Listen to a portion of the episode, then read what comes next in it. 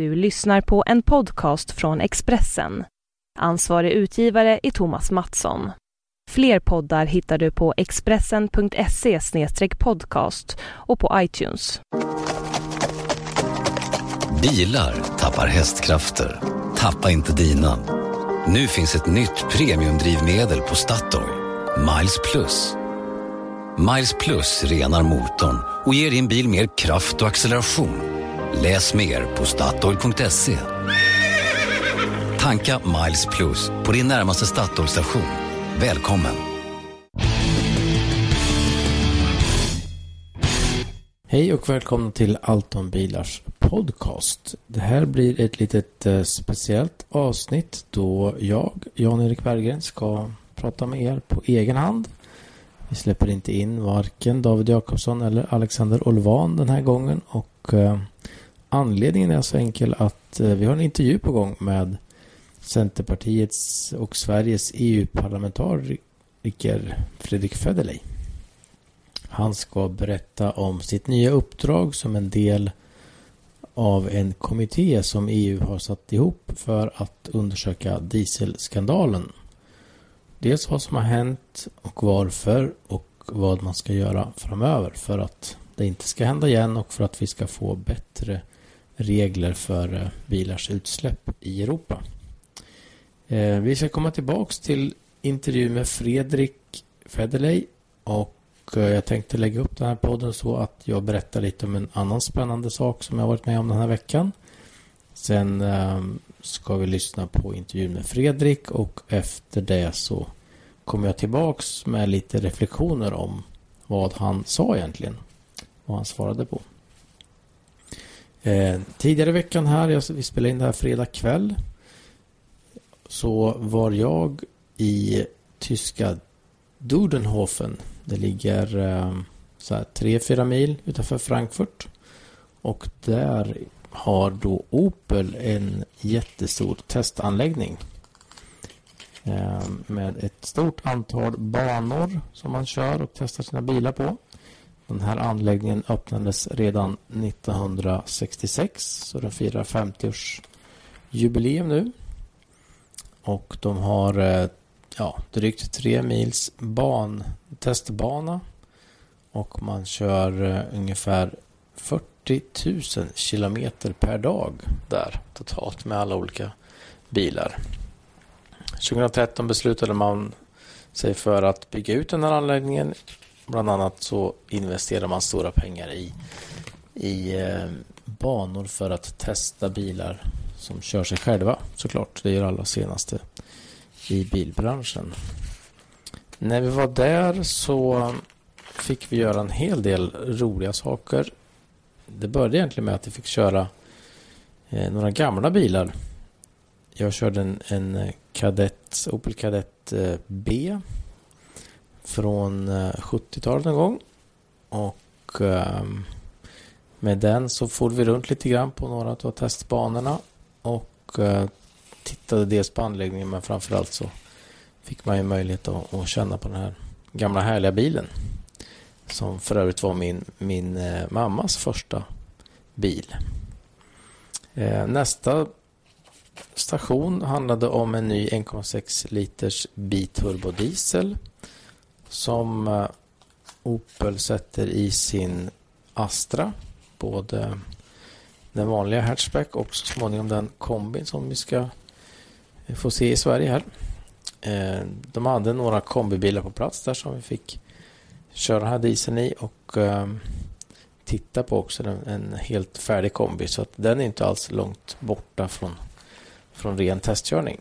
Den här 1,6 liters dieseln hade då 160 hästkrafter, 350 Nm och en sexväxlad manuell låda. Ehm, det var nog som de sa då bara själva motorn som vi testkörde i och den ska då inte ha satts helt i sin rätt, sitt rätta element det var ju kanske inte riktigt rätt ehm, isolering. För det var lite, lite, lite väl högt motljud kanske men det påstår man var för att det var inte rätt isolering i, i själva bilen. Då.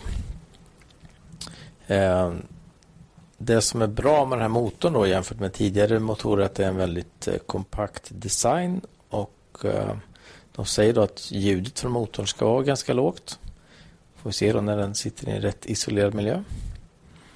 Eh, förbrukningen var på eh, 4,1 liter per 10 mil om man landar någonstans på ja, runt 110, 108 till 112 gram CO2 beroende på lite grann på, på eh, utförande. Ehm, bara vikten på motorn har man lättat med ungefär 10 procent. Ehm, vi fick också då titta till ehm, eh, ett forskningsprojekt bland annat som Opel är en del av tillsammans med andra tyska bilmärken där man tittar väldigt mycket på hur man ska kunna kommunicera bil till bil och bil till eh, bland annat trafikljus. Eh, det kan vara så enkelt som att man, man guidar en, en bil och förare fram igenom en, ett trafikljus utan att man, man då ska behöva stanna utan man, man så att säga, kör bilen igenom trafikljuset. Och man provar då sig fram med olika typer av information till föraren. Om det, hjälp, om det hjälper att bara säga att om du saktar ner till 30 så kan du köra igenom här när det blir, när det, utan att det blir rött eller att man ska göra på annat sätt. Man, man provar helt enkelt och undersöker och har olika personer som man intervjuar Um, de håller på att forska väldigt mycket i den här automatisk körning såklart. Och man pratar om eh, högstress och lågstresssituationer. Och att man vid hög stress, det handlar då om att undvika olyckor. Och låg stress skulle kunna vara i en uh, bilkö. Och att man där behöver hjälpa föraren. Men däremellan så, så tycker man nog att föraren både vill och ska köra, köra själv. Men det var intressant att se hur man jobbar tillsammans med infrastrukturen och enligt Opel så finns all kommunikation på plats nu. Man har ett, ett standardiserat eh, kommunikationssnitt, gränssnitt som man vet alltså hur man ska prata bilar med varandra och bilar med olika typer av infrastruktur, som till exempel ett trafikljus eller ett ögonställe eller en, eller en, en eh, korsning av järnväg och så. Um, vi eh, fick också titta på och lyssna till Opels designchef Mark Adams som hade en väldigt spännande visning av flera nya bilar. Vi fick igen gå igenom lite grann om nya Astra Kombi som han visade där hur, hur de har tänkt och varför. Och det är lite fascinerande när man, när man eh, får förklarat för sig varför man har gjort olika linjer eller olika väck här och där bara för att eh, man ska lura ögat eller, eller förmå oss att se bilen på ett eh, speciellt sätt.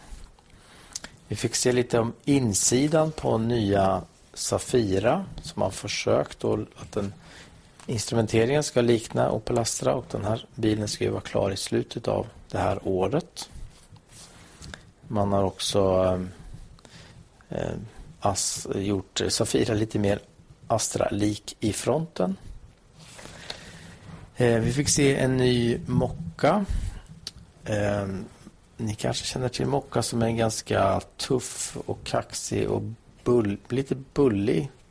Eh, ja, som en pitbull-liknande bil. En liten eh, eh, tuff SUV. Men den här har man snyggat till faktiskt. Så den ser lite mer eh, premium ut. Jag tycker den nya fronten är snyggare och um, ja, man, man har liksom fått den att se lite mer smäcker ut. Inte allt så där kaxig och bullig. Eh, man har eh, ändrat lamporna så att de stämmer överens bättre med som man ser på Astra. Då. Interiören är ju också uppdaterad och även där såklart lik, lik Opel Astra.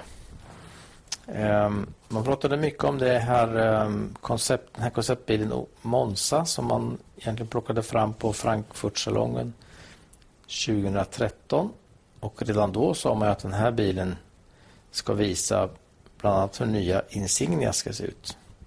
Och i Dudenhofen på testanläggningen så drog de bort täcket på nya Insignia. Och det var då eh, sedanmodellen som vi fick se. Och ehm, ja, jag bland annat har ju skrivit att nya Astra är ett, ett jättekliv framåt för Opel jämfört med den gamla modellen. Och nya Insignia kommer att bli något helt annat än den Insignia som vi, som vi ser idag. Ehm, den ser väldigt mycket lättare ut. Den ser lite med pre, eller väldigt mycket mer premium ut. Och eh, ja, snygg, snygg linje. Lite speciell taklinje faktiskt. Men eh, de säger själva att den här har, en väldigt, har ett väldigt lågt eh, luftmotstånd. De vill inte avslöja några siffror men de lovade att vi ska eh, att, att det här var något alldeles extra när det kommer till lågt luftmotstånd. Opels VD Carl Thomas Neumann höll ett långt föredrag om nya Opel som han säger och eh, vad de här nya bilarna betyder för Opel. Och eh, man har ju haft en lite kämpig, en kämpig period bakom sig men redan i år ska man ju då gå med vinst. Och eh, man har ju en väldigt eh, stor modelloffensiv på gång som handlar om 29 nya bilar fram till 2020. Det är ju Astra Kombi är ju den, den allra första i den serien och sen kommer vi se då Opel Safira, eh, Opel Mokka X som heter då den ansiktslyfta bilen som kommer också i år. Insignia kommer nästa år och man lovade att inom några veckor, vilket ju betyder bilsalongen i Genève, ska man prata mer om elbilar. Man har också en ny Meriva på gång tillsammans med eh, Peugeot Citroën-gruppen. Och i Genève då på salongen ska man också visa en ny eh, konceptbil och eh, precis som Monza så ska den här konceptbilen visa vad som kommer framöver från Opel. Eh, så gott och eh, det var tänkt att vi skulle ha med David här men det kom den här intervjun med Fredrik Federley före kan man säga. För eh, precis när vi skulle börja spela in David och jag så visade det sig att Fredrik hade fått plats i den här kommittén som ska utreda eh, eventuella skandaler och eh, nya regler. Och jag var snabbt i kontakt med Centerpartiets eh, pressmänniskor och de riggade upp en liten intervju med Fredrik hemma i hans villa i Tullinge. Han kom direkt från Strasbourg där han hade varit i veckan och även haft ett uppdrag här på, på eh, i riksdagen eller om det var i ett utskott inne i stan. Så han var upptagen större delen av fredagen. Så fredag sen eftermiddag kväll så fick jag ge mig iväg till Tullinge utanför Stockholm och eh, rigga lilla poddutrustningen för att eh, där intervjua Fredrik om vad de egentligen ska jobba med i den här kommittén. Så vi lämnar väl över då till eh, mig själv i villan i Tullinge och intervjun med Fredrik Federley. Varsågoda.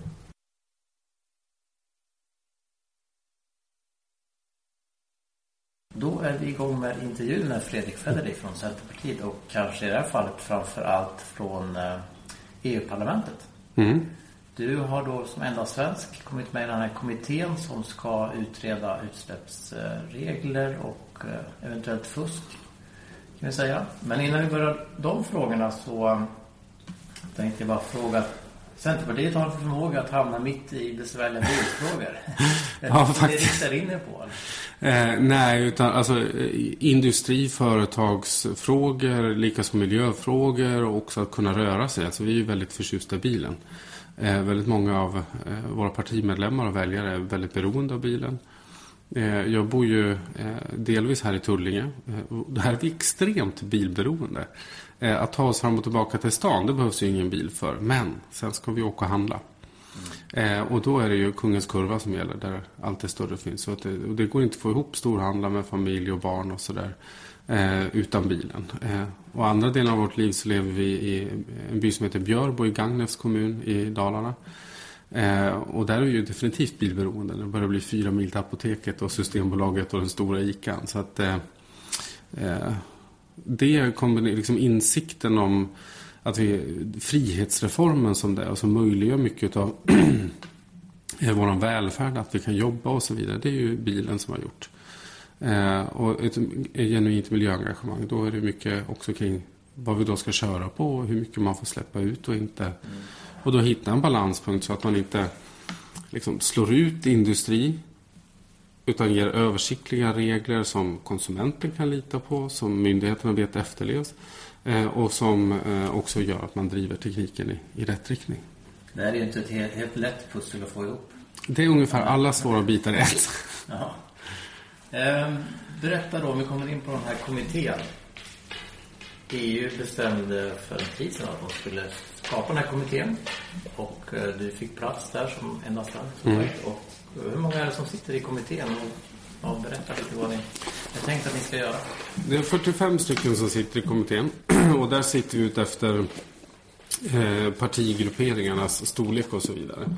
Eh, och jag tillhör då eh, den liberala gruppen och vi har fyra ordinarie ledamöter. Eh, totalt har vår grupp 75, 70 eller 75 ledamöter har vi totalt. Och fyra av dem sitter som ordinarie ledamöter. Uppdraget här är ju att eh, titta på vad gick fel med de förra reglerna. Eh, och vad har det kommit att leda till i och med att det blev fel. Eh, och vad har olika institutioner vetat? Det cirkulerar ju en del papper som visar på att kommissionen redan 2010-2012 eh, hade fått utlåtanden från experter om att de här mätningarna stämmer inte. Eh, och det har pågått en debatt i ganska många år om att man ska hitta någon mer eh, en testmodell som bygger mer på hur verklig körning ser ut. För det är såklart, allt man gör i labb, då kan du få det under perfekta förhållanden och då har du minimala utsläpp.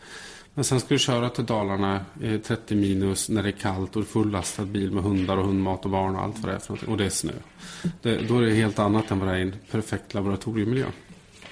Men ska ni titta bara på det som har hänt i Folkvagnsskandalen eller ska ni se framåt vad man ska göra eller ingår det både och? I... Ja, det är ju lite både och och det här är en balansakt. För kommissionen då eh, som har rätt att lägga initiativ, det motsvarar egentligen regeringen här hemma eh, Eh, som då kommer med nya initiativ har ju lagt ett förslag. Eh, rådet som då utgörs av medlemsstaterna eh, har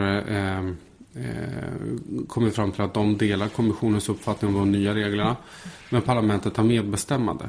Och det gör ju att vi har möjligheten att helt blockera det här förslaget. Och det kommer vi faktiskt att rösta om, inte nästa vecka som kommer nu då. Eh, men veckan efter i Strasbourg så kommer vi rösta om vi ska blockera det eller inte. Eh, men det rimliga är väl att vi har en färdig analys ordentligt på plats innan vi eh, beslutar vilken väg vi ska gå.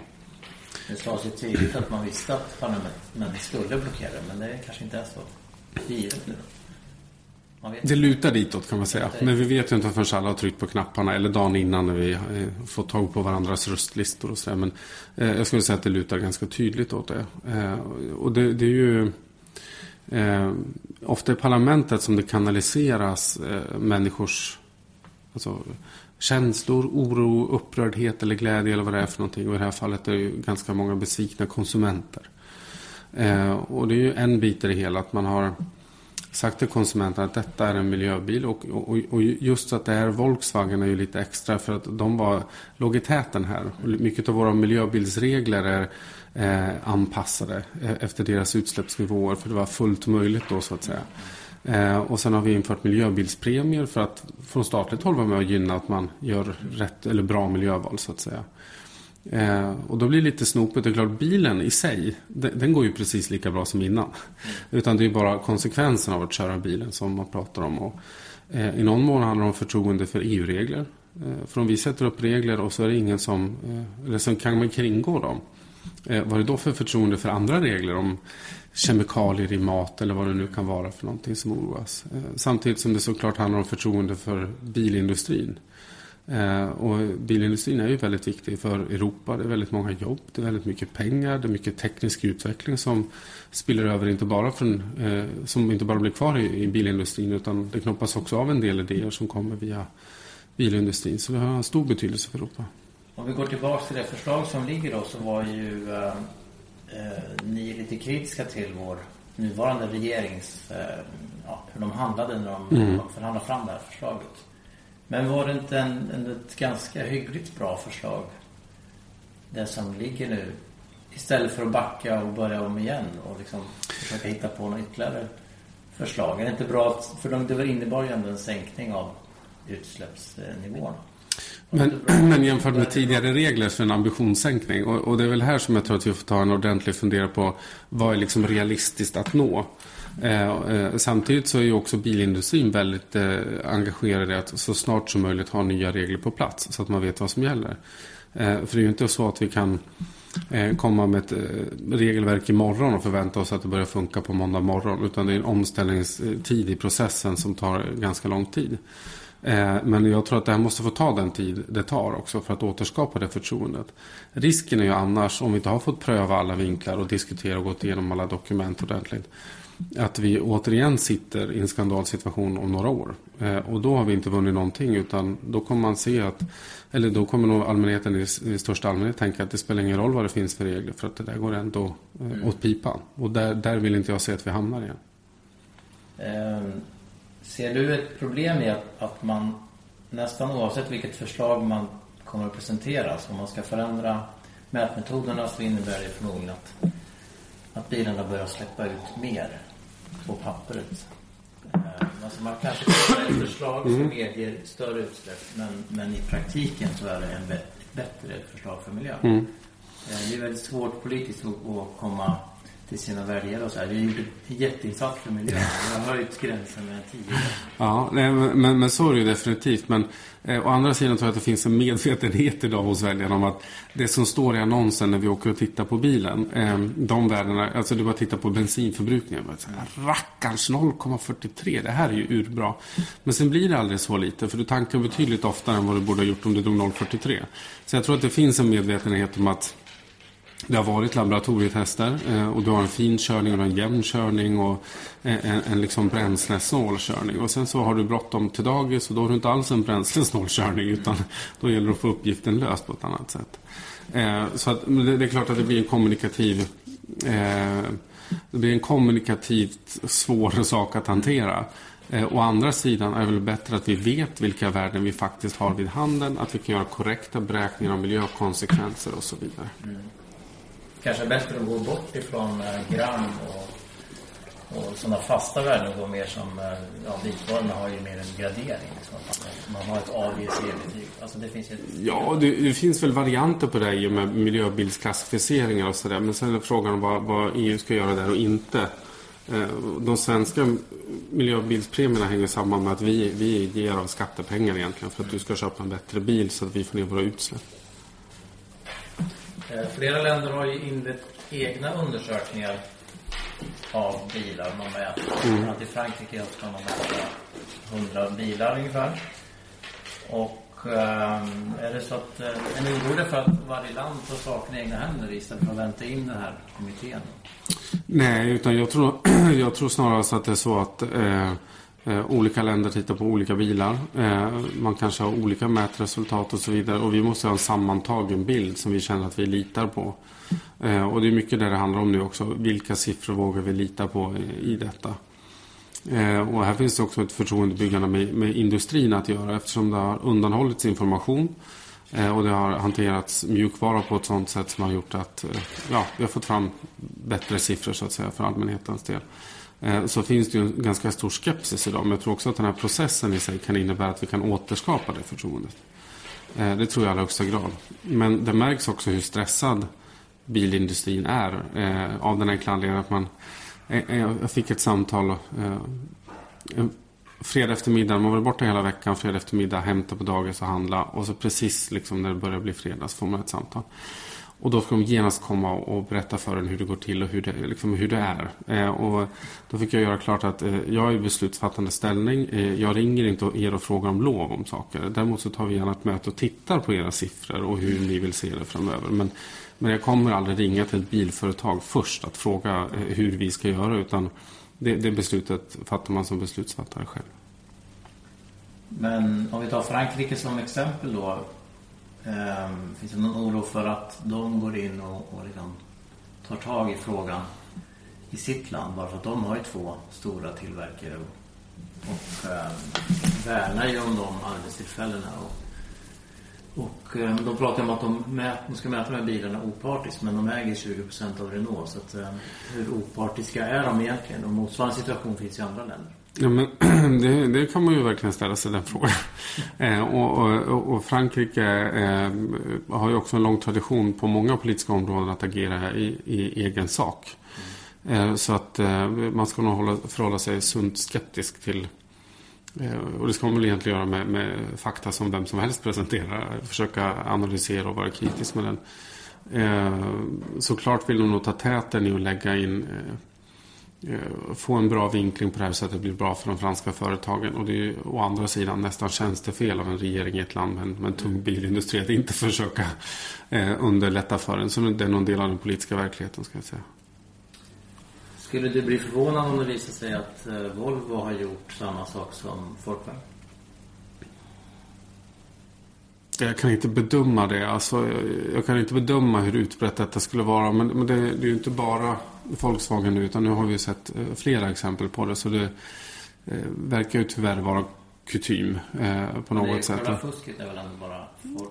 Ja, med mjukvaran. Ja. Precis, eh, men det är också... optimerat sina bilar. Det precis, precis. Eh, så att... Jag menar, ett, ett, så, ja, ett fusk, liksom, olaglighet. Alltså jag, jag, vill absolut inte anklaga Volvo för någonting. Jag har inga bevis för någonting. Så att jag låter det vara därhän. Liksom. Och jag, och jag, jag, tror man ska vara noga. Och det gäller ju också att skilja. För är det så att ett bilföretag faktiskt har skött sig och, och liksom eh, gjort vad man ska och inte fifflat och så vidare. Eh, är det ju synd att lägga eh, skam och kleta andras dåligheter på den. Eh, så är det ju. Eh, för bilindustrin är som sagt väldigt viktig för vår frihet, välfärd och Eh, inte minst ekonomi och jobb. Så jag tror man ska försöka vara varsam. Och det gäller egentligen alla skandaler. Mm. Eh, även då om någon politiker har använt eh, fel kort någon gång så mm. kanske man inte ska kleta det på alla politiker. utan eh, Och liksom inte ska kleta det här på alla företag. Utan vi försöker hantera dem vi vet. Det finns ju några företag som har eh, sagt här att de ska gå ut och berätta eh, förbrukningssiffror vid mer verkliga förhållanden. Mm. Bland Opel och Peugeot-gruppen. Det tror jag är väldigt bra. Det, ja, men det tror jag är väldigt bra. För att det, det uppstår ju den här diskrepansen som vi var inne på med annonser och förbrukning och sådär.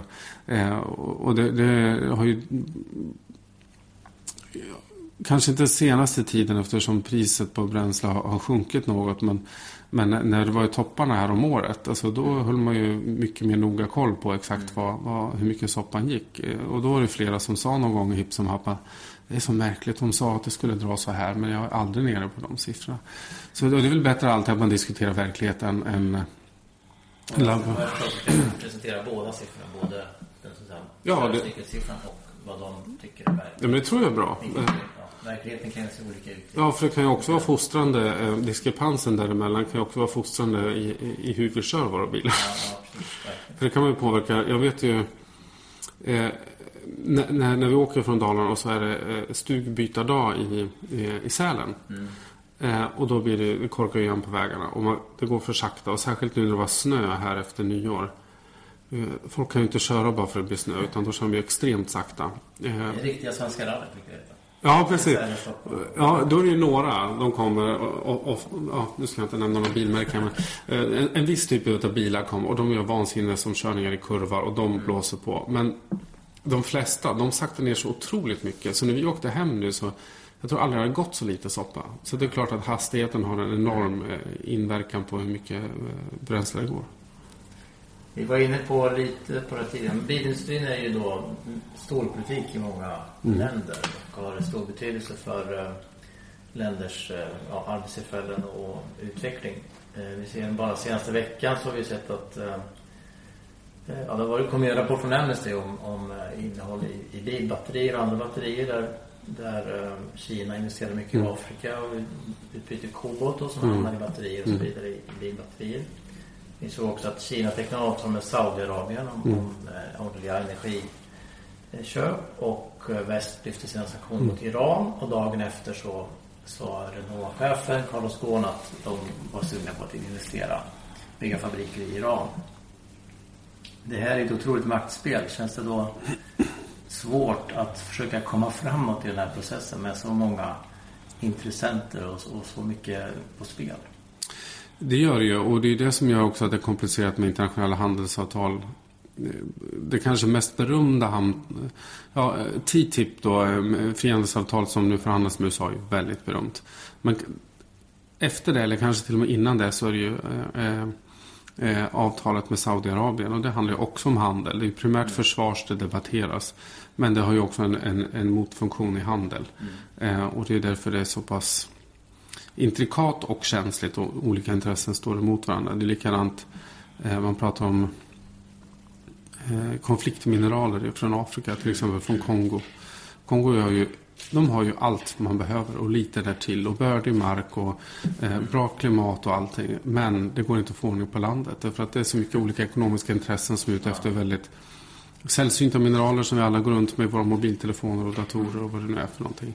Så det gör ju att vi är eh, det är en samverkan här som inte alltid är riktigt sund. Nej. Eh, jag kan tänka mig i, i, i parlamentet så finns det ju många som har intressen, många som lobbar hårt för sina intressen. Dels det, men så finns det ju också en, en del av mina kollegor som har direkta anknytningar så att säga till industrin.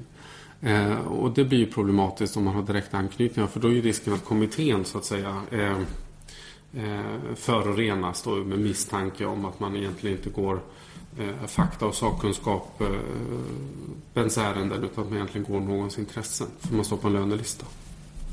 Finns det någon risk att, att man pressar biltillverkarna för hårt i de här frågorna? Att det, alltså det finns ju någonstans en fysisk gräns mm, för hur lite en, en bensinmotor mm. kan, kan dra eller hur mycket den förbrukar. Men finns det en risk att man liksom trycker på för hårt? Eller? Det är klart att den risken finns. Eh, och därför tror jag det är bra att vi ska jobba under ett helt år nästan. Mm. och det tror jag är bra att man har tids, eh, tidsutdräkten av den enkla anledningen att när folk är förbannade så ska de inte fatta beslut. Mm. det är därför man inte låter nyskilda som har en konfliktfylld skilsmässa skriva liksom, äktenskapsbalken. Mm. det skulle inte bli bra. Utan där är ju politiken hygglig på det sättet att det tar lite tid och känslor hinner ofta lägga sig. Eh, när beslut fattas i affekt så blir det ofta fel. Så det är klart, den risken föreligger. Men tiden talar för att det ska kunna bli mer balanserat än så. Du skrev i eh, ditt pressmeddelande här när du blev med i kommittén att billobbyn är stark. Den är väldigt stark. På vilket sätt märker ni av, av det? Jag jobbar ju mycket mot bilindustrin mm. så jag ser ju hur de jobbar på, åt mitt håll. Ja, nej, men man är närvarande i korridorer, i debatter, i seminarier. Eh, och då som telefonsamtal eh, stressat en eftermiddag, eh, en fredag. Eh, så, så, och det finns ju en resursstark grupp också, helt klart. Så, så är det. Eh, och det är eh, lite det jag vill lyfta i det här också. Att det är viktigt att vi tittar på oss som sitter där. Att vi verkligen är opartiska så långt vi kan vara. Eh, och jag går in i det här med ett ganska öppet sinne. Eh, klart vi har haft en debatt om processen, hur ministern skötte det här och så vidare. Eh, det får vi lägga åt sidan nu för nu ska vi ha ett annan typ av uppdrag. Eh, och göra det seriöst och ordentligt. Mm. Finns det rena påtryckningar från industrin att de säger att gör lite så här så flyttar vi någon bilfabrik ut från Europa eller ut från ett specifikt land? Nu blev vi utsedda igår vid 12, eh, alltså mm. på torsdagen. Ja, nu vet de. Så vi får väl se här vad som händer här framöver. Men jag tror att det trycket egentligen är hårdast mot eh, varje lands regering, skulle jag säga. Mm. Ja, det såg vi inte minst under Saab och Volvo. Ja, ja, ja. Spåren här, enorma påtryckningar. Ja, det var, det var en tuff tid. Ja, vad, jag såg en bil där utanför. Jag hann inte registrera. Vad, vad kör du själv? En Kia Sorento. Ja. Jag väntar ju på en miljöbil som klarar våra behov. En elbil som klarar våra behov, ska jag säga. Det är, ja, det är 27-28 mil, minus 30 grader. De här två, om någon undrar vad det är för konstiga ljud i bakgrunden, så mina två granndammar som är kelsjuka. Eh, och barn eh, och packning. Ja, och där är, där är vi inte. Men jag, jag känner marknadschefen på Tesla. Jag har sagt åt honom, så fort ni får en bil som klarar de här behoven, ring mig så ska jag ha en med omedelbar verkan. Mm. Ja, jag har inte, den nya Model X har kommit ut, men... Uh... Nej, inte hundarna. Nej, vi tittar på den. Eh, och det, det är stökiga, men eh, hade man haft chihuahua kanske hade funkat. men det är det. Och sen är det också det stöket eh, eh, ofta kring nyår och någon vecka in i januari så är det ofta ja, över 20 grader i alla fall. Ganska många gånger nivå 30-35 ett par dagar. Eh, och det är inte alltid elbilen. De mår superbra i det, de kalla temperaturerna. Vi får se. Volvo kommer ju med en elbil men den tror inte den blir tillräckligt stor kanske. Eller? Nej, vi får väl se. Jag håller ögonen öppna för alla. För jag tror att det är bättre på alla sätt och vis. Och särskilt för oss som kör. Alltså vi kör ju väldigt mycket. Eh, vi skulle satt och slog slarvräknade på ungefär vad vi la ner i, i, kostnaden för diesel här då. Vad vi skulle kunna komma ner i med elen. Så det är en ganska hygglig besparing i bränslet också. Ja, verkligen. Bra, då tackar jag så mycket och önskar lycka till. Tack så mycket.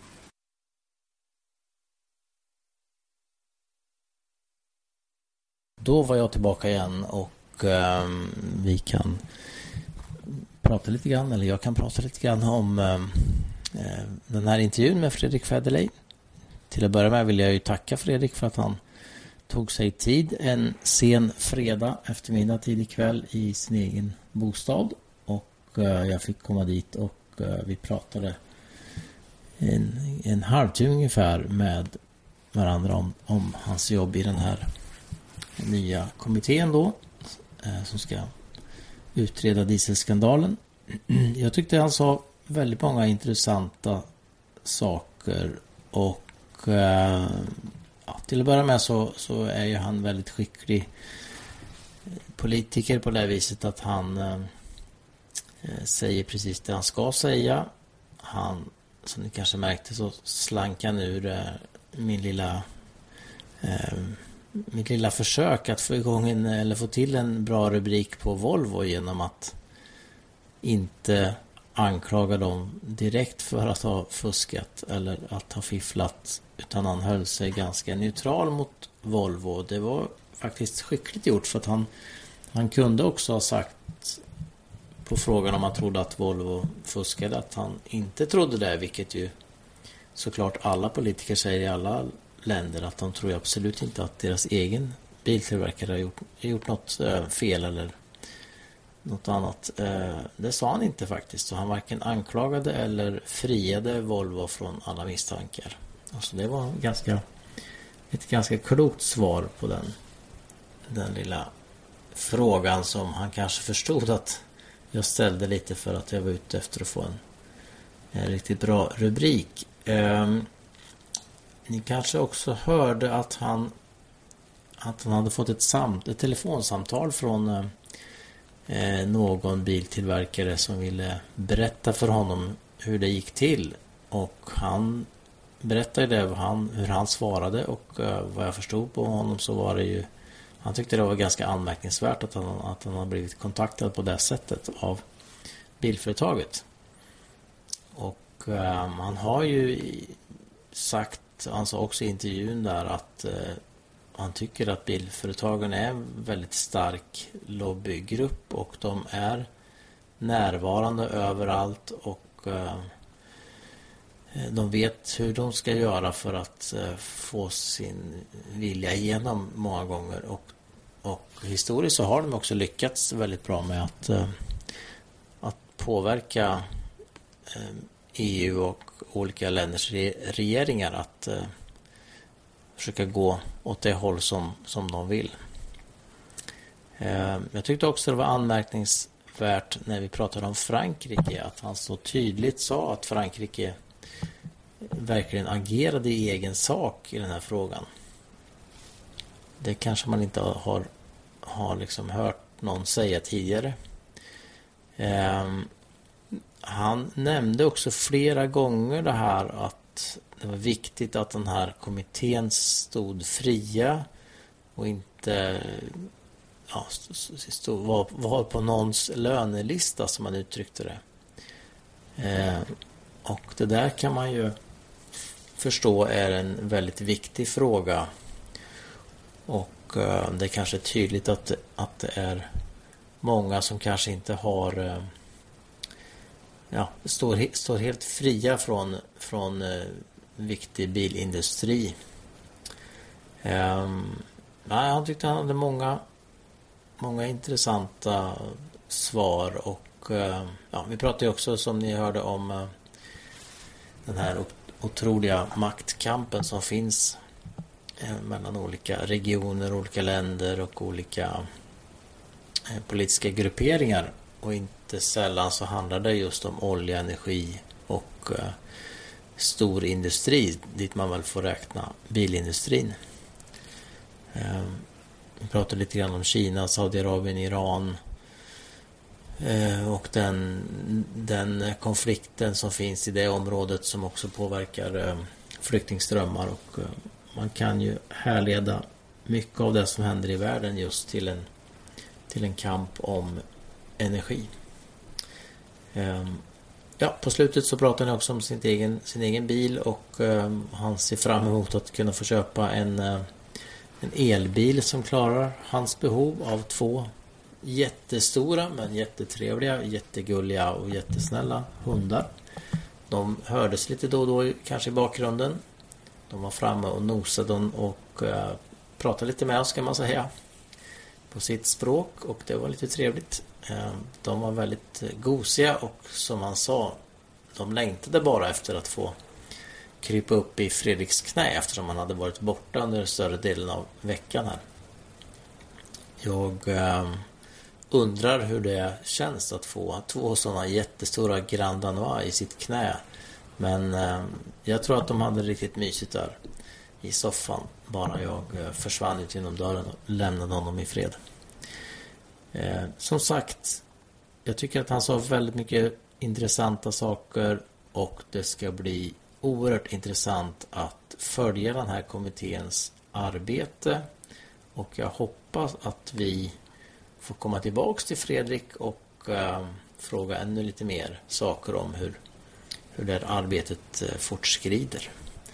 Så det var podden nummer ehm, 53 om jag har räknat rätt. Och jag kan nästan lova rakt av att eh, nästa gång så ska ni verkligen få höra eh, David Jakobsson medverka. Och eh, jag vet att han har kört bland annat Audi A4 kombi. Och han har också kört en fyrhjulsdriven bil från folk, Folkvagn de senaste veckorna här så att han har mycket kul och spännande att berätta om, om de bilarna. Så då tackar vi för idag. Hej då! Bilar tappar hästkrafter. Tappa inte dina. Nu finns ett nytt premiumdrivmedel på Statoil. Miles Plus. Miles Plus renar motorn och ger din bil mer kraft och acceleration. Läs mer på Statoil.se. Tanka Miles Plus på din närmaste Statoilstation. Välkommen!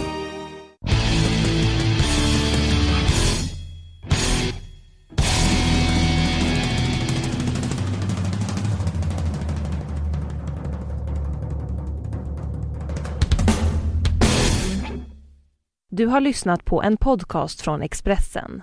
Ansvarig utgivare är Thomas Mattsson. Fler poddar hittar du på expressen.se podcast och på iTunes. Nej. Dåliga vibrationer är att gå utan byxor till jobbet. Ah. Bra vibrationer är när du inser att mobilen är i bröstfickan. Alla abonnemang för 20 kronor i månaden i fyra månader. Vimla! Mobiloperatören med bra vibrationer.